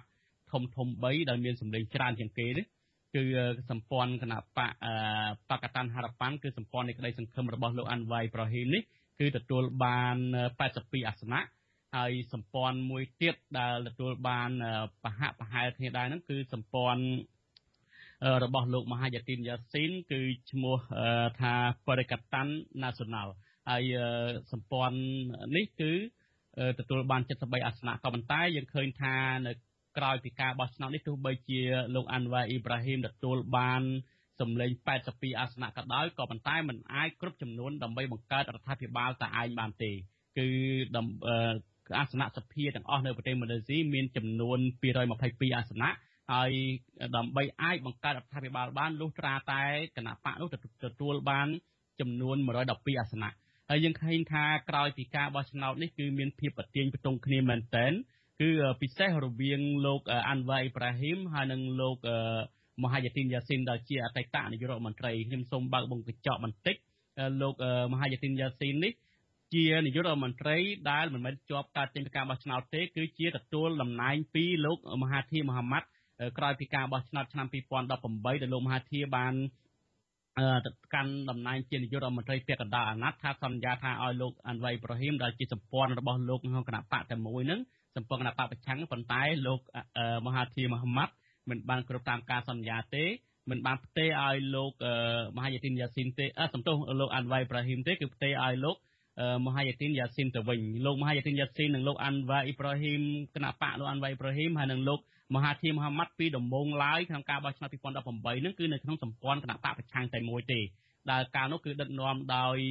អឺគណៈបកប្រឆាំងគឺដឹកនាំដោយភរិយារបស់លោកអាន់វ៉ាអ៊ីប្រាហ៊ីមហើយក្រោយពីបោះឆ្នោតហើយឈ្នះដឹកនាំរដ្ឋាភិបាលបានពាក់កណ្ដាលអាណត្តិក៏ផ្ទេរឲ្យលោកមហាយទីនយ៉ាស៊ីនមកលោកមហាយទីនយ៉ាស៊ីនក៏បែកចេញពីសម្ព័ន្ធរបស់គណៈបកលោកលោកអាន់វ៉ៃប្រហ៊ីមទៅយើងឃើញថាអ្វីដែលសំខាន់នៅពេលនេះគឺមិនអាចបង្កើតរដ្ឋាភិបាលបានហើយអស្ថិរភាពនយោបាយនៅម៉ាឡេស៊ី រយៈពេលប្រហែលថ្ងៃមកនេះឃើញថាបានលិចកដាតឡើងកាន់តែខ្លាំងហើយធ្វើឲ្យពលរដ្ឋជាម្ចាស់ឆ្នោតនិងអ្នកវិភាគមួយចំនួនគិតថាបញ្ហាអស្ថិរភាពនេះកាន់តែខ្លាំងក្លាឡើងក៏ប៉ុន្តែនៅទីបំផុតទៅពេលនេះគឺនៅក្នុងរដ្ឋធម្មនុញ្ញម៉ាឡេស៊ីនេះគឺសំខាន់ណាស់នៅក្រៅគឺព្រះមហាក្សត្រនឹងគឺជាអ្នកមានសិទ្ធិមានសិទ្ធិក្នុងការតែងតាំងនាយករដ្ឋមន្ត្រីនៅពេលហ្នឹងព្រះមហាក្សត្របានបំពេញតួនាទីយ៉ាងសំខាន់នៅពេលនេះ ព្រះមហាក្សត្រកាលពីថ្ងៃម្សិលមិញម្សិលមួយថ្ងៃហ្នឹងគឺបានកោះប្រជុំក្រុមប្រសារាជបល្ល័ង្កបានកោះប្រជុំក្រុមប្រសារាជបល្ល័ង្កគឺនៅម៉ាឡេស៊ីនេះគឺមានស្ដេចធំមួយដែលនៅទីស្ដេចធំមួយហើយមាននៅស្ដេចនៅតាមខេត្តផ្សេងៗទៀតគឺព្រះមហាក្សត្របានកោះប្រជុំស្ដេចទាំងអស់តាមខេត្តហ្នឹងគឺដែលជាសមាជិកក្រុមប្រឹក្សារាជបល្ល័ង្កហ្នឹងមកពិភាក្សាប្រជុំពិភាក្សាគ្នានៅពេលទន្ទឹមនឹងព្រះមហាក្សត្រកំពុងពិភាក្សានេះយើងឃើញថាតួអង្គសំខាន់មួយទៀតដែល ជាគណៈបកដែលអាចបង្គ្រប់ទៅបង្កើតរដ្ឋាភិបាលបាននឹងគឺជាសម្ព័ន្ធអឺរបស់គណៈសម្ព័ន្ធឈ្មោះ Parisan Parisan National Parisan National នេះគឺឃើញថាគឺដឹកនាំដោយគណៈបកអ៊ុំណូគណៈបកអ៊ុំណូនឹងនៅក្នុងសម្ព័ន្ធគណៈបកនេះគឺមាន30អាសនៈហើយគណៈបកអ៊ុំណូនឹងគឺមាន26អាសនៈហើយគណៈបក4ទៀតដែលនៅក្នុងក្រមសម្ព័ន្ធនៅក្នុងសម្ព័ន្ធនេះគឺមានមួយអាសនៈទៀតគឺបង្គ្រប់ទៅគឺ30អាសនៈអញ្ចឹង ទាំងលោកអាន់វ៉ាអ៊ីប្រាហ៊ីមទាំងលោកមហាយទីនយ៉ាស៊ីននឹងកំពុងតែចាប់ដៃសម្ព័ន្ធប៉ារីសានណាសូណាល់គឺហៅកាត់ថា BN នេះហើយ BN នេះគឺដឹកនាំដោយអ៊ំណូអញ្ចឹងនៅពេលនេះគឺអ៊ំណូដែលមានតែ30អាសនៈនោះគឺខ្លាចជាតួអង្គមួយដ៏សំខាន់ដូចជាកូនក្រមុំមួយដ៏ស្រស់ស្អាតហើយបរោះពីរនាក់កំពុងតែតាមចែចង់ញ៉ែអីចឹងជាដើមក៏ប៉ុន្តែនៅក្នុងយើងឃើញថាប្រវត្តិអ៊ំណូនេះ អឺ BN នេះ BN នេះគឺជាគណៈបកដែលកាន់អំណាចយូរមកហើយយើងមើលទៅតាំងពីឆ្នាំ1573ក្រោយពីម៉ាឡេស៊ីបានទទួលឯករាជ្យមកម្លេះហើយ BN នេះបានទទួលបរាជ័យជាលើកដំបូងនៅក្នុងការបោះឆ្នោតឆ្នាំ2018ហើយយើងឃើញថាអ៊ំណូ BN នេះដែលអ៊ំណូដែលជាមេកន្ទ្រាញមេដឹកនាំសម្ព័ន្ធនេះក៏ជាសត្រូវស៊ីសាច់ខុតឈាមរបស់លោកអាន់វ៉ៃប្រហ៊ីមដែរ មេដឹកនាំ BN នេះអំណូនេះគឺអតីតនាយករដ្ឋមន្ត្រីម៉ាឡេស៊ីគឺលោកណាជីបរ៉ាហ្សាក់ហ្នឹង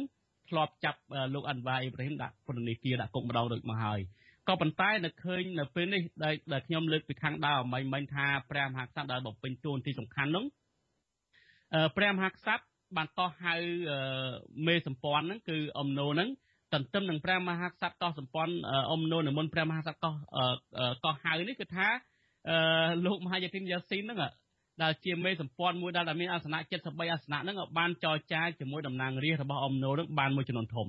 នៅពេលហ្នឹងលោកមហាយទីនយ៉ាស៊ីនបានគ្រប់តំណាងរាស្ត្រចំនួន115អាសនៈហើយទៅគាល់ព្រះមហាក្សត្រទៅទៅគាល់ព្រះមហាក្សត្រហើយអឺដើម្បីថាលោកមានគ្រប់ចំនួនដើម្បីបង្កើតរដ្ឋាភិបាលហើយក៏ប៉ុន្តែព្រះមហាក្សត្រអត់ព្រមទេដោយសារអីដោយសារ ច្បាប់ម៉ាឡេស៊ីត្រឹមធ្វើវិសោធនកម្មថានៅពេលដែលតំណាងរាស្ត្រណាចេញពីគណៈបកនឹងហើយទៅចូលរួមជាមួយសម្ព័ន្ធណាមួយទៀតគឺអាសនៈរបស់ខ្លួនមិនអាចយកទៅតាមបានទេដូច្នេះវាខ្ទាស់ទៅនឹងច្បាប់របស់ម៉ាឡេស៊ីនៅទីបំផុតទៅគឺព្រះមហាក្សត្របានកោះហៅមេដឹកនាំអ៊ំណូដែលដឹកនាំដោយលោក Z Hamiti Z Hamiti ហើយនៅក្នុងគណៈបកអ៊ំណូដែលក្រោយមកគឺលោក សព្រិយកោបនឹងក៏ជានាយករដ្ឋមន្ត្រីនៅក្នុងសម្ព័ន្ធអំណូនឹងដែរទីបំផុតទៅព្រះមហាក្សត្រសម្រេចថាឲ្យបកតានហរប៉ាន់របស់លោកអាន់វ៉ៃប្រហ៊ីមនេះចូលរួមបង្កើតជារដ្ឋាភិបាលបង្រួបបង្រួមជាតិឲ្យចេញសេចក្តីប្រកាសម្សិលមិញតែងតាំងលោកអាន់វ៉ៃប្រហ៊ីមជាផ្លូវការតែម្ដងបាទខ្ញុំសូមសង្ខេបអំពីមូលហេតុនៃការចរចាអធិភាពប្រហែលថ្ងៃនេះហើយទីបញ្ចប់បង្កើតរដ្ឋាភិបាលបាន ខ្ញុំសូមស្លេះប៉ុណ្ណេះសិនហើយសួរលោកដិតសេរីបន្តិចសិនមុននឹងខ្ញុំជម្រាបជូនប្រវត្តិលោកអាន់វ៉ាបន្តិចនៅពេលខាងមុខបាទលោកដិតសេរីយើងឃើញថាទោះយ៉ាងណាក៏ដោយទីបំផុតទៅគឺថាលោកអាន់វ៉ាបានខ្លាយជានាយករដ្ឋមន្ត្រីទៅហើយដែលជាមេនាំគណៈបកប្រឆាំងនេះលោកយល់ឃើញបែបណាដែរបាទសូមចេញអឺបាទសូមជម្រាបសួរអឺជនរួមជាតិដែលកំពុងស្ដាប់វិទ្យុស៊ីសេរីហើយសូមជម្រាបសួរលោកកឹមសុខហើយនិងលោកសាកាយាផងបាទ សម្រាប់ខ្ញុំអឺការបោះឆ្នោតនៅថ្ងៃទី19ខែ11ឆ្នាំ2022នេះគឺជាការបោះឆ្នោតលើកទី15ហើយទីបំផុតលោកអាល់វ៉ាបានក្លាយទៅជានាយករដ្ឋមន្ត្រីលើកទី10របស់ខ្លួនហើយជាពេលវេលាមួយដែលកើតឡើងអំឡុងពេលដែលម៉ាឡេស៊ីកំពុងតែជួបបញ្ហាជាតិមួយចំនួនធំ គឺទី1គឺអត្រាគ្មានការងារធ្វើរបស់យុវជនម៉ាឡេហ្នឹងគឺមានការកើនឡើងខ្ពស់អាចមកពីវិបត្តិនយោបាយផងហើយនឹងអាចមកពី COVID-19 ផងហ្នឹងចំណុចទី1ចំណុចទី2គឺតម្លៃនៃការរស់នៅរបស់ប្រទេសម៉ាឡេស៊ីហ្នឹងមានការកើនឡើងអំឡុងពេលដែលប្រាក់បៀវត្សឬក៏ប្រាក់ចំណូលរបស់ពលរដ្ឋហ្នឹងมันមានការកើនឡើងហើយអឺលុយយើងហៅសម្ាញ់ថាលុយរបស់ម៉ាឡេស៊ីហើមឡើងហ្នឹងគឺធ្វើឲ្យប៉ះពាល់ទៅដល់ ការរស់នៅប្រចាំថ្ងៃរបស់ពលរដ្ឋអ្វីដែលសំខាន់មួយទៀតហ្នឹងគឺវិបត្តិសេដ្ឋកិច្ចការវិនិយោគហើយនិងទេសចររបស់ម៉ាឡេស៊ីនឹងមានបញ្ហាធ្ងន់ធ្ងរជាពិសេសវាជាឥទ្ធិពលមកពី COVID-19 ដែលរដ្ឋាភិបាលមុនមុនដែលក្រោយពីរដ្ឋាភិបាលដែលដឹកនាំដោយលោកមហាធិរមហាម៉ាត់ហើយក្រោយពីការដឹកនាំបាន2ឆ្នាំនៅក្នុងឆ្នាំ2020លោកមហាធិរមហាម៉ាត់ហ្នឹងបានអឺលាលែងទៅក៏មាននាយករដ្ឋមន្ត្រីរហូតដល់12នាក់ទៀត ដែលมันអាចដោះស្រាយបញ្ហាសេដ្ឋកិច្ចបានដូច្នេះហើយយើងឃើញថាបើយើងក៏លេងមើលគោលនយោបាយរបស់អាល់វ៉ាអ៊ីប្រាហ៊ីមអឺមកពីគណៈបកអឺបាកាតាន់ហារ៉ាប៉ាន់ហ្នឹងគឺគាត់បានផ្ដោតសំខាន់មែនទែនទៅលើការធ្វើម៉េចមានតែគោលនយោបាយពីរធំទេដែលដែលលោកអាល់វ៉ាគាត់បានលើកឡើងគឺទី1ដោះស្រាយបញ្ហាវិបត្តិសេដ្ឋកិច្ចហើយទី2កម្ចាត់អំពើពុករលួយ ដូច្នេះហើយបានធ្វើឲ្យមានការតាក់ទាញខ្លាំងទៅដល់ទៅដល់មហាជនម៉ាឡេស៊ីដែលកំពុងតែជួបបញ្ហាសេដ្ឋកិច្ចជារួមចំណុចទាំងអស់នេះយើងឃើញថាជាបញ្ហាដែលពលរដ្ឋម៉ាឡេស៊ីឆ្លុះបញ្ចាំងអំពីអ្វីដែលពលរដ្ឋម៉ាឡេស៊ីមានភាពឆ្លាតវៃនៅក្នុងការផ្លាស់ប្ដូរមេដឹកនាំរបស់ខ្លួនហើយជាពិសេសយើងឃើញថា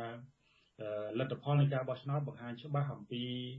អេរិយាប័តនៃការបោះឆ្នោតរបស់ពលរដ្ឋម៉ាឡេស៊ីដែលបង្ហាញអំពីការមិនគ្រប់គ្រងជាពិសេសទៅលើសម្ព័ន្ធរបស់លោកមហាធាហ្នឹងដែលតែងតែមានល្បិចល្បោយនយោបាយស្មោករោមិនគោរពពាក្យសន្យាសំបីតែធ្លាប់សន្យាថាពាក់កណ្ដាលអាណត្តិនឹងប្រទេសឲ្យលោកអាប់រ៉ាហាំឲ្យលោកអាល់វ៉ាអ៊ីប្រាហ៊ីមនឹងជានាយករដ្ឋមន្ត្រីក៏មិនគោរពពាក្យសន្យាហើយថែមទាំង គេហៅថាមាក់ងាយស្ថានភាពដោយបង្ហាញថាខ្លួនឯងហ្នឹងស្មានតែខ្លួនឯងហ្នឹងជាវីរៈបរោះជាតិទៅហើយហើយអាចប្រើល្បិចនយោបាយបាន ដែលគិតថាយុវជនចំនួនថ្មីហ្នឹងរីករាយជាមួយនឹងល្បិចល្បាញនយោបាយរបស់ខ្លួន ដែលជាការធ្វើឲ្យមានការប៉ាន់ស្មានខុសហើយធ្វើឲ្យយុវជនម៉ាឡេជាពិសេសជនជាតិប្រជាជនម៉ាឡេដែលមានវ័យ18ឆ្នាំជាពិសេសយុវជនសម័យថ្មីហ្នឹងមិនសប្បាយចិត្តហើយ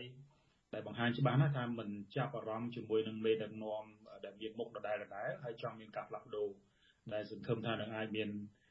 ដែលសង្ឃឹមថាលោកអាល់វ៉ានឹងអាចមកជួយនៅក្នុងការដោះស្រាយបញ្ហាសេដ្ឋកិច្ចជាពិសេសនោះគឺចាត់ការទៅលើបញ្ហាអំពើពុករលួយនៅក្នុងប្រទេសម៉ាឡេស៊ីនោះបាទបាទបាទអរគុណច្រើនលោកសិស្សសេរីខ្ញុំបានឃើញលោកកំសុកបាទសូមជម្រាបសួរលោកកំសុកបាទ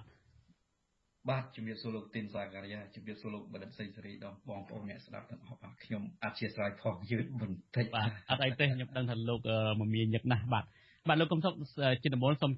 ទាញការចាប់អារម្មណ៍ពីលោកដល់ខ្លីទេតើតើលោកមើលឃើញបែបណា ដែលលោកអាន់វ៉ៃប្រហ៊ីមដែលនៅពេលនេះបាន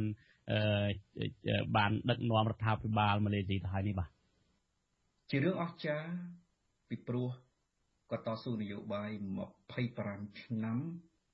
ជួបគ្រោះសម្បើមណាស់គ្រោះជាប់គុកពីរដងហើយបានក្លាយទៅជានាយករដ្ឋមន្ត្រីនៃប្រទេសម៉ាឡេស៊ីនៅក្នុងពេលដែលស្ថានភាពនៃប្រទេសម៉ាឡេស៊ីត្រូវការគាត់មែនទែនបាទត្រូវការគាត់ពីព្រោះគោលនយោបាយរបស់គាត់ត្រឹមត្រូវ ទី1ដោះស្រាយការរើសអើងជាពិសេសផ្ដោតទៅលើការបែកបាក់ជាតិម៉ាឡេស៊ី ហើយលោកអាន់វ៉ាអ៊ីប្រាហ៊ីមគឺជាមនុស្សម្នាក់ជាអ្នកនយោបាយកម្ពុជាម្នាក់ដែលមិនប្រកាន់ច្រើនក្នុងការសម្របសម្រួលដើម្បីផ្សះផ្សាជាតិទេនេះគឺជាចំណុចពិសេសរបស់គាត់ចំណុចមួយទៀតគាត់មានគោលនយោបាយច្បាស់នៅក្នុងកំណែតម្រង់គឺសេដ្ឋកិច្ចហើយគាត់ផ្ដោតជាសំខាន់ទៅលើការដោះស្រាយនៅការចំណាយរបស់ប្រជាពលរដ្ឋម៉ាឡេស៊ីដែលកំពុងតែជួបបញ្ហា ម្យ៉ាងវិញទៀតរឿងសិទ្ធិមនុស្សយើងដឹងហើយនៅក្នុងតំបន់អាស៊ាន គឺទលំទលាយណាស់នៅក្នុងការបំពេញម៉ាឡេស៊ីក៏ជួបបញ្ហាដែរក៏ប៉ុន្តែមិនទាន់ធ្ងន់ដូចកម្ពុជាយ៉ាងណាលោកអានវ៉ាអ៊ីប្រាហ៊ីមបានដាក់គោលនយោបាយដើម្បីលើកកម្ពស់នៅការគោរពសិទ្ធិមនុស្សរឿងទាំង3នេះតេទៀងមហាជនម៉ាឡេស៊ីខ្លាំងណាស់បាទបាទអរគុណច្រើនលោកកឹមសុខ បាទដោយដែលលោកកុំសុកបានលើកឡើងខ្លះខ្លះហើយលោកដិសេនស៊ូរីអំបញ្ញមិញក៏បានលើកឡើងដែរអ្វីដែលសំខាន់គឺលោកមហាធីបានឈ្នះឆ្នោតនៅពេលនេះគឺទាញយកយុវជនបានដែលសារនយោបាយរបស់លោកសំខាន់គឺថាការធ្វើកំណែតម្រង់ដ៏ស៊ីជម្រៅដែលលោកផ្ដោតលើបញ្ហាមួយចំនួនជាសំខាន់ដោយលោកកំសុកបានបញ្ជាក់ដែរថាទីមួយនោះគឺបំបត្តិនៅពេលការរើសអើងយើងឃើញថានៅម៉ាឡេស៊ីក៏មានជនជាតិភាគតិចផ្សេងៗទៀតច្រើនដែរមានចិនមានឥណ្ឌាអីចឹងជាដើមដែលចំនួនច្រើន បញ្ហាមួយទៀតហ្នឹងគឺថាកំណែតម្រង់ស៊ីជម្រៅទៅលើការស្ដារសេដ្ឋកិច្ចហើយនឹងកំណែ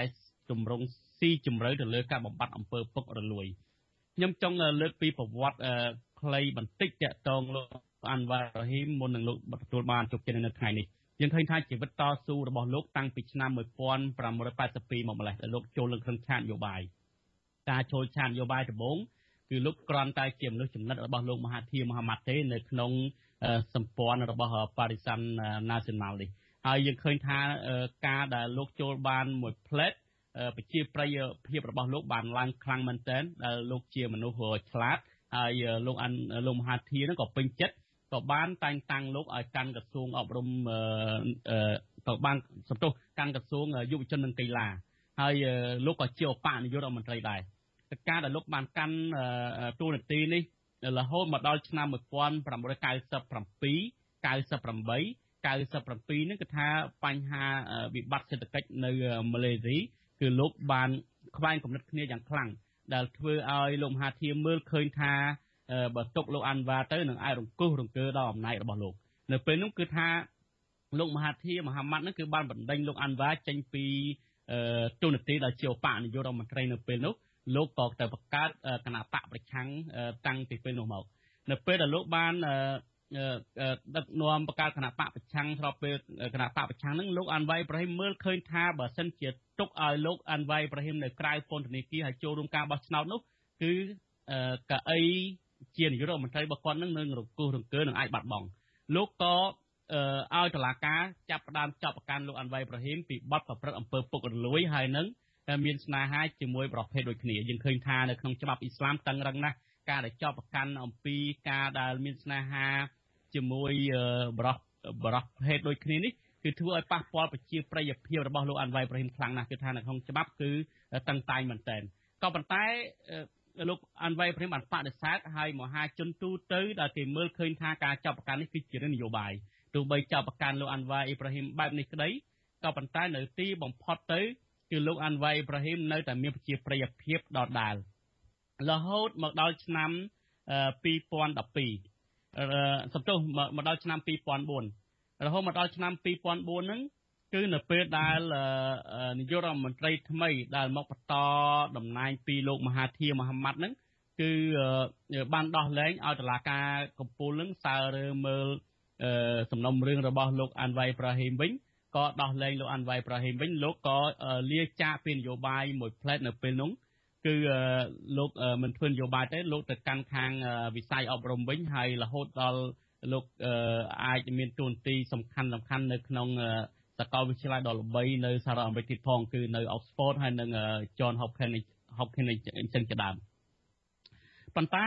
អ្វីដែលសំខាន់នៅពេលនោះគឺ នាយករដ្ឋមន្ត្រីដែលដែលកាន់តំណែងនៅពេលនោះគឺមានបញ្ហាទៀតគឺមានបញ្ហាទៀតនៅក្នុងឆ្នាំ2012លោកបានវិលចូលមកចាប់លោកបានលោកបានវិលមកមកមកដល់ឆាននយោបាយវិញវិលមកឆាននយោបាយវិញគឺអ្នកដែលកាន់តំណែងនៅពេលនោះគឺដឹកនាំដោយប៉ាអ៊ំណូនោះគឺលោកណាជីបរសាយើងដឹងហើយលោកណាជីបរសាហ្នឹងគឺជាមេដឹកនាំដែលប្រព្រឹត្តអំពើពុករលួយខ្លាំងជាងគេនៅម៉ាឡេស៊ី ហហើយការបោះឆ្នោត2013គេសម្លឹងមើលឃើញថាគណៈបករបស់លោកអាន់វ៉ាអាចឈ្នះក៏ប៉ុន្តែនៅពេលនោះគឺថាមុនបោះឆ្នោតនេះចាប់លោកអាន់វ៉ៃប្រហ៊ីមដាក់ពន្ធនាគារម្ដងទៀតជាលើកទី2ហើយសើរើយកសំណុំចាស់រឿងដដែលមកចាប់ប្រកាន់ក៏ប៉ុន្តែ នៅពេលដែលលោកជាប់ពន្ធនាគារមួយទៀតលោកមិនអាចចូលរួមការបោះឆ្នោតបានទេអញ្ចឹងអ្វីដែលសំខាន់ខ្ញុំសូមនិយាយដោយសង្ខេបអ្វីដែលសំខាន់នៅក្នុងឆ្នាំ2018ហ្នឹងគឺតួអង្គសំខាន់ដែលមកដឹកនាំសម្ព័ន្ធគណៈបកប្រឆាំងគឺភារយារបស់លោក នៅពេលដែលលោកណាជីបរស័កកំពុងតែធ្វើឲ្យម៉ាឡេស៊ីម៉ាឡេស៊ីបាក់មុខមាត់លើឆាកអន្តរជាតិទាក់ទងការប្រព្រឹត្តអំពើពុករលួយផងលំហូរជនអ្នកវិនិយោគចិនច្រើនចូលទៅម៉ាឡេស៊ីច្រើនផងការអនុវត្តច្បាប់មិនសូវបានល្អផងហ្នឹងលោកមហាធីមហាម៉ាត់មើលឃើញដូច្នេះដើម្បីស្ដារមុខមាត់ប្រទេសម៉ាឡេស៊ីក៏មកចរចាជាមួយលោកអានវ៉ៃប្រហ៊ីមនៅក្នុងពន្ធនាគារហើយចរចាជាមួយភារយារបស់លោកមកចងជាសម្ព័ន្ធនឹងគ្នាដើម្បីប្រកួតជាមួយគណៈបកដែលដឹកនាំដោយលោកណាជីបរសាគឺសម្ព័ន្ធ Barisan Nasional នេះឯងហើយនៅក្នុងការបោះឆ្នោតឆ្នាំ2018គឺទទួលបានជោគជ័យមែនគឺទទួលបានជោគជ័យហើយដែលពេលនោះមានខសន្យាសំខាន់គឺថាលោកមហាធីនឹងគ្រាន់តែចង់មកស្ដារមុខមាត់ម៉ាឡេស៊ីវិញទេដឹកនាំពាក្យកណ្ដាលអាណត្តិនឹងផ្ទេរឲ្យលោកអាន់វ៉ាវិញក៏ប៉ុន្តែទីបំផុតទៅដូចខ្ញុំជម្រាបពីខាងដើមទេមិនបានផ្ទេរឲ្យទេគឺឲ្យលោកមហាយាទីនយ៉ាស៊ីនលោកមហាយាទីនដឹកនាំបានបន្តិចទៅមិនអាចស្ដារមុខមាត់ស្ដារសេដ្ឋកិច្ចបានទៀតនៅស្របពេលកូវីដ19ផង ក៏ផ្ទេរឲ្យលោកសព្រីយ៉ាកូបអញ្ចឹងនៅក្នុងរយៈពេល2 3ឆ្នាំ2ឆ្នាំគឺនាយករដ្ឋមន្ត្រីដល់ទៅ3នាក់រហូតដល់ការបោះឆ្នោតថ្មីថ្មីនេះធ្វើឲ្យលោកអាន់វ៉ាអ៊ីប្រាហ៊ីមបានសម្រេចបំណងរបស់លោកគឺថាយុទ្ធធម៌ចំពោះលោកគឺតាមរយៈប្រជាប្រដ្ឋអ្នកកាត់សេចក្តីនៅថ្ងៃទី29វិច្ឆិកានេះបាទជាការតេតងជីវិតតស៊ូនេះយើងឃើញថាការតស៊ូហើយនឹងនយោបាយស៊ីវិល័យរបស់លោកដែលធ្វើឲ្យចាប់ ចិត្តយុវជនបានធ្វើទទួលបានជ័យជំនះនេះលោកដិតសេនស៊ូរីតើលោកមើលឃើញបែបណាវីរភាពរបស់លោកនេះជាគំរូដល់មេដឹកនាំផ្សេងទៀតសម្រាប់បដូររំលំឬក៏របបផ្ដាច់ការមេដឹកនាំផ្ដាច់ការបែបណាទៅបាទសុំជ័យចំណុចមួយដែលដែលអ្វីដែលលោកសាការីយ៉ាលើកឡើងអំពីការតស៊ូរបស់លោកអាល់វ៉ាហ្នឹងគឺវាមានផ្នែកមួយធំហើយប៉ុន្តែចំណុចមួយដែលលោកអាល់វ៉ាមានការចាប់អារម្មណ៍ខ្លាំងចំពោះ មេដឹកនាំជាពិសេសអាចជាគំរូរបស់អ្នកចស៊ូនៅក្នុងកិច្ចការងារនយោបាយនិយាយដោយឡែកគឺនៅក្នុងតំបន់ហើយបើនិយាយចំទៅគឺជាគំរូនៃការតស៊ូរបស់អ្នកនយោបាយដោយដោយគណៈបព្វប្រឆាំងនៅក្នុងប្រទេសកម្ពុជាហើយជីវិតនយោបាយរបស់លោកអាល់វ៉ានេះគឺកើតឡើងប្រហាក់ប្រហែលស្មើនឹងលោកសំរងស៊ីហើយ មុនលោកសំរងស៊ីតិចតួចអ្វីដែលសំខាន់ហ្នឹងគឺលោកអាល់វ៉ាអ៊ីប្រាហ៊ីមនេះគឺជាមនុស្សដែលមានមនោសញ្ចេតនាល្អចំពោះអ្នកតស៊ូប្រជាធិបតេយ្យចឹងហើយយើងឃើញថាកន្លងមកនេះតំណែងតំណងរបស់លោកអាល់វ៉ាជាមួយនឹងលោកសំរងស៊ីអនុប្រធានគណៈបកសង្គ្រោះជាតិដែលត្រូវបានរំលាយនៅក្នុងឆ្នាំ1900នៅក្នុងឆ្នាំ2017នោះគឺមានតំណែងតំណងល្អហើយ អ្វីដែលសំខាន់នេះយើងចាំមើលទាំងអស់គ្នាថាតើនៅពេលដែលលោកអាល់វ៉ាអ៊ីប្រាហ៊ីមឡើងជានាយករដ្ឋមន្ត្រីនេះថាតើលោកសំរងស៊ីអាចនឹងត្រឡប់មកតំបន់អាស៊ីអាគ្នេយ៍យើងនិយាយត្រឹមតំបន់អាស៊ីអាគ្នេយ៍សិនថាលោកសំរងស៊ីនឹងអាចត្រឡប់មកម៉ាឡេស៊ីបានដែរឬទេនៅកំឡុងពេលដែលតំណែងតំណងរវាងលោកសំរងស៊ីជាមួយនឹងលោកអាល់វ៉ាអ៊ីប្រាហ៊ីមនេះមានតំណែងតំណងល្អ បើយើងពិនិត្យមើលតំណែងតំណងក្រមរបស់លោកអាល់វ៉ាជាមួយនឹងគណៈបកកណ្ដាលអំណាចរបស់កម្ពុជាបច្ចុប្បន្នយើងឃើញមានចំណុចខ្លះមានអរិភាពនឹងគ្នាមានន័យថាតំណែងតំណងជាមួយក្រុមលោកអាល់វ៉ាជាមួយនឹងជាមួយនឹងរដ្ឋាភិបាលកម្ពុជាមិនសូវជាល្អទេតាមការសន្និដ្ឋានគឺព្រឹត្តិការណ៍មួយដែលជាចំណុចតូចមួយដែលខ្ញុំគិតថាវាអាចជាផ្នែកមួយដែលធ្វើឲ្យមានការអន់ចិត្តគឺអំឡុងពេលដែល កូនស្រីរបស់លោកអាល់វ៉ាអ៊ីប្រាហ៊ីមមកកម្ពុជា ដើម្បីចូលរួមប្រជុំគេហៅ World Economic Forum ពេលនោះកូនស្រីរបស់លោកអាល់វ៉ាព្រាហ៊ីមនឹងតម្រូវដោយអាជ្ញាធរកម្ពុជានឹងឲ្យតម្រង់ជួរវាយប៉ាសពតតាមគេហៅថាតាមផ្លូវរបស់ពលរដ្ឋសាមញ្ញធម្មតាដែលដែលចាំបាច់គឺគាត់គួរតែត្រូវបានដើរនៅក្នុងច្រកការទូតដែល សម្រួលដោយអាជ្ញាធរ ដូច្នេះហើយអរិភាពតិចតួចដែលកើតឡើងនេះគឺជាផ្នែកមួយដែរដែលធ្វើឲ្យដែលខ្ញុំអាចពិនិត្យមើលឃើញថាទំនាក់ទំនងរវាងក្រមរបស់លោកអាល់វ៉ាជាមួយនឹងគណៈបកកណ្ដាលអំណាចនៅក្នុងប្រទេសកម្ពុជាមិនសូវជាល្អអញ្ចឹងអ្វីដែលសំខាន់យើងចង់ពិនិត្យមើលដែរថាតើការប្រែប្រួលនយោបាយនៅម៉ាឡេស៊ីនឹងនឹងអាចធ្វើឲ្យមានការប្រែប្រួលនយោបាយនៅកម្ពុជាដែរដំឡូងពេលដែលកម្ពុជានឹងត្រៀមការបោះឆ្នោតឆ្នាំ2023 ហើយអ្វីដែលសំខាន់នោះគឺអំឡុងពេលដែលលោកសំរងស៊ីកំពុងតែប្រកាសនៅក្នុងការរោច្រកដើម្បីត្រឡប់មកកម្ពុជាក្នុងការចូលរួមបោះឆ្នោតឆ្នាំ2023នេះបាទបាទបាទអរគុណច្រើនលោកកំសុកវិញតើលោកមើលឃើញថាការអំពីការតស៊ូរបស់លោកអាន់វ៉ានេះហើយលោកក៏ធ្លាប់ជាប់ពន្ធនាគារម្ដងជាពីរដងដោយសារតែរឿងនយោបាយដូចគ្នាហើយចុងក្រោយទៅបានឈ្នះទៅតើវិរិយភាពឬក៏គំរូរបស់លោកនឹង វាអាចคล้ายទៅជាគំរូដ៏សំខាន់សម្រាប់អ្នកប្រជាធិបតេយ្យផ្សេងទៀតបែបណាទៅបាទសំជិញសំខាន់ខ្លាំងណាស់ហើយជោគជ័យរបស់លោកអានប៉ាគឺពិតជាបកចំបេះដូងខ្ញុំហើយខ្ញុំគិតថាអ្នកនយោបាយដែលប្រាថ្នាប្រជាធិបតេយ្យនៅប្រទេសកម្ពុជាទាំងឡាយក៏អាចរៀនសូត្រនៅចំណុចជាច្រើនជាពិសេសអរិយាប័ត្រនយោបាយរបស់លោកអានប៉ា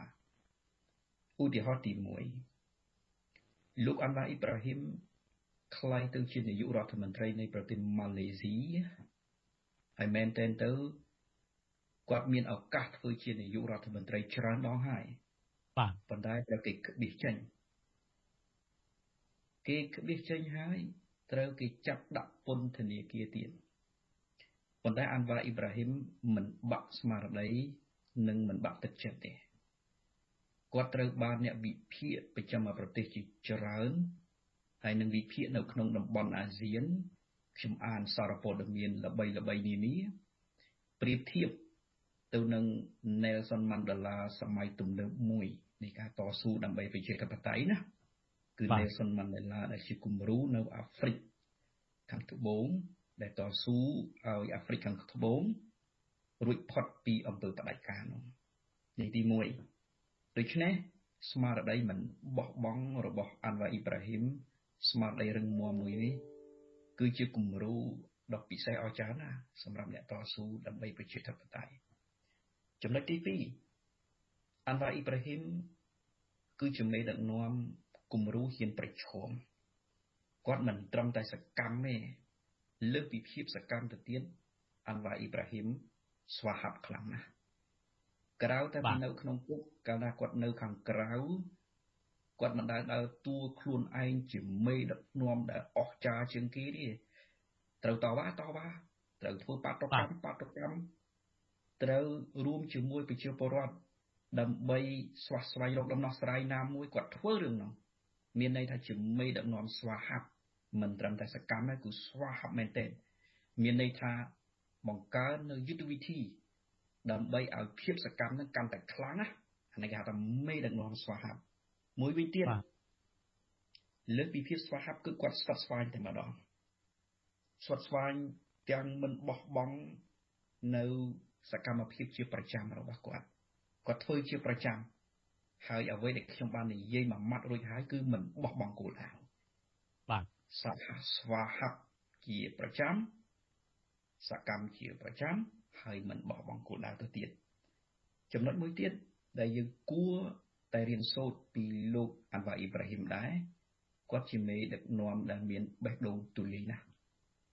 ផ្សះផ្សាជាតិនៅក្នុងផ្ទៃក្នុងជាតិហើយមិនមែនជារឿងចៃដន្យនោះទេ ដែលលោកអាន់វ៉ាខ្លាយទៅជានាយករដ្ឋមន្ត្រីនៃប្រទេសម៉ាឡេស៊ីនោះបាទក្នុងស្ថានភាពដែលម៉ាឡេស៊ីស្មុគស្មាញមែនទែនហើយមានការបែកបាក់ជាតិ ខ្ញុំឧទាហរណ៍តែមួយគាត់មានវិវាទខ្លាំងណាស់ជាមួយនឹងមហាធាហើយនឹងមេដឹកនាំគណៈបកនយោបាយមួយចំនួនក៏ប៉ុន្តែពេលដែលគាត់នៅធ្វើជាអ្នកប្រឆាំងរហូតដល់ខ្លាយទៅជានាយករដ្ឋមន្ត្រីនៃប្រទេសម៉ាឡេស៊ីគាត់ប្រកាន់គោលការណ៍ច្បាស់លាស់ទាំងសារនយោបាយនិងស្មារតីក្នុងការដោះស្រាយបញ្ហាជាតិ គឺដោះស្រាយបញ្ហាតែកំសត់សំខាន់តាលោកបន្តិចបាទសូមលាលោកនាងដែលកំពុងស្ដាប់តាមរយៈរលកធាតុអាកាសខ្លីឬ software ហ្នឹងនឹងមិនលឺការផ្សាយរបស់យើងទេទេប៉ុន្តែលោកនាងដែលស្ដាប់តាម Facebook YouTube នេះសូមចេញបន្តទៀតប៉ុន្តែបើសិនជាលោកនាងមានសំណួរឬក៏ចង់បញ្ចេញជាមតិយោបល់សូមដាក់លេខទូរស័ព្ទនៅក្នុងក្នុង comment មកយើងខ្ញុំនឹងហៅទៅលោកនាងវិញដើម្បីផ្ដល់ឱកាសបញ្ចេញជាមតិយោបល់និងសំណួរបាទសូមចេញលោកកំសុកបន្តបាទគំរូមួយទៀតដែលខ្ញុំគិតថាអ្នកនយោបាយកម្ពុជា អ្នកដែលត្រៀមធ្វើនយោបាយនៅប្រទេសកម្ពុជា គួររៀនសូត្រដែរលោកអានវ៉ាអ៊ីប្រាហ៊ីមគាត់ដឹងច្បាស់ណាស់អំពីស្ថានភាពស្រុករបស់គាត់ជនជាតិម៉ាឡេស៊ីច្រើនជាងគេបន្ទាប់មកចិនបន្ទាប់មកឥណ្ឌាដូច្នេះជាតិសាសន៍មួយនេះត្រូវការផ្សះផ្សា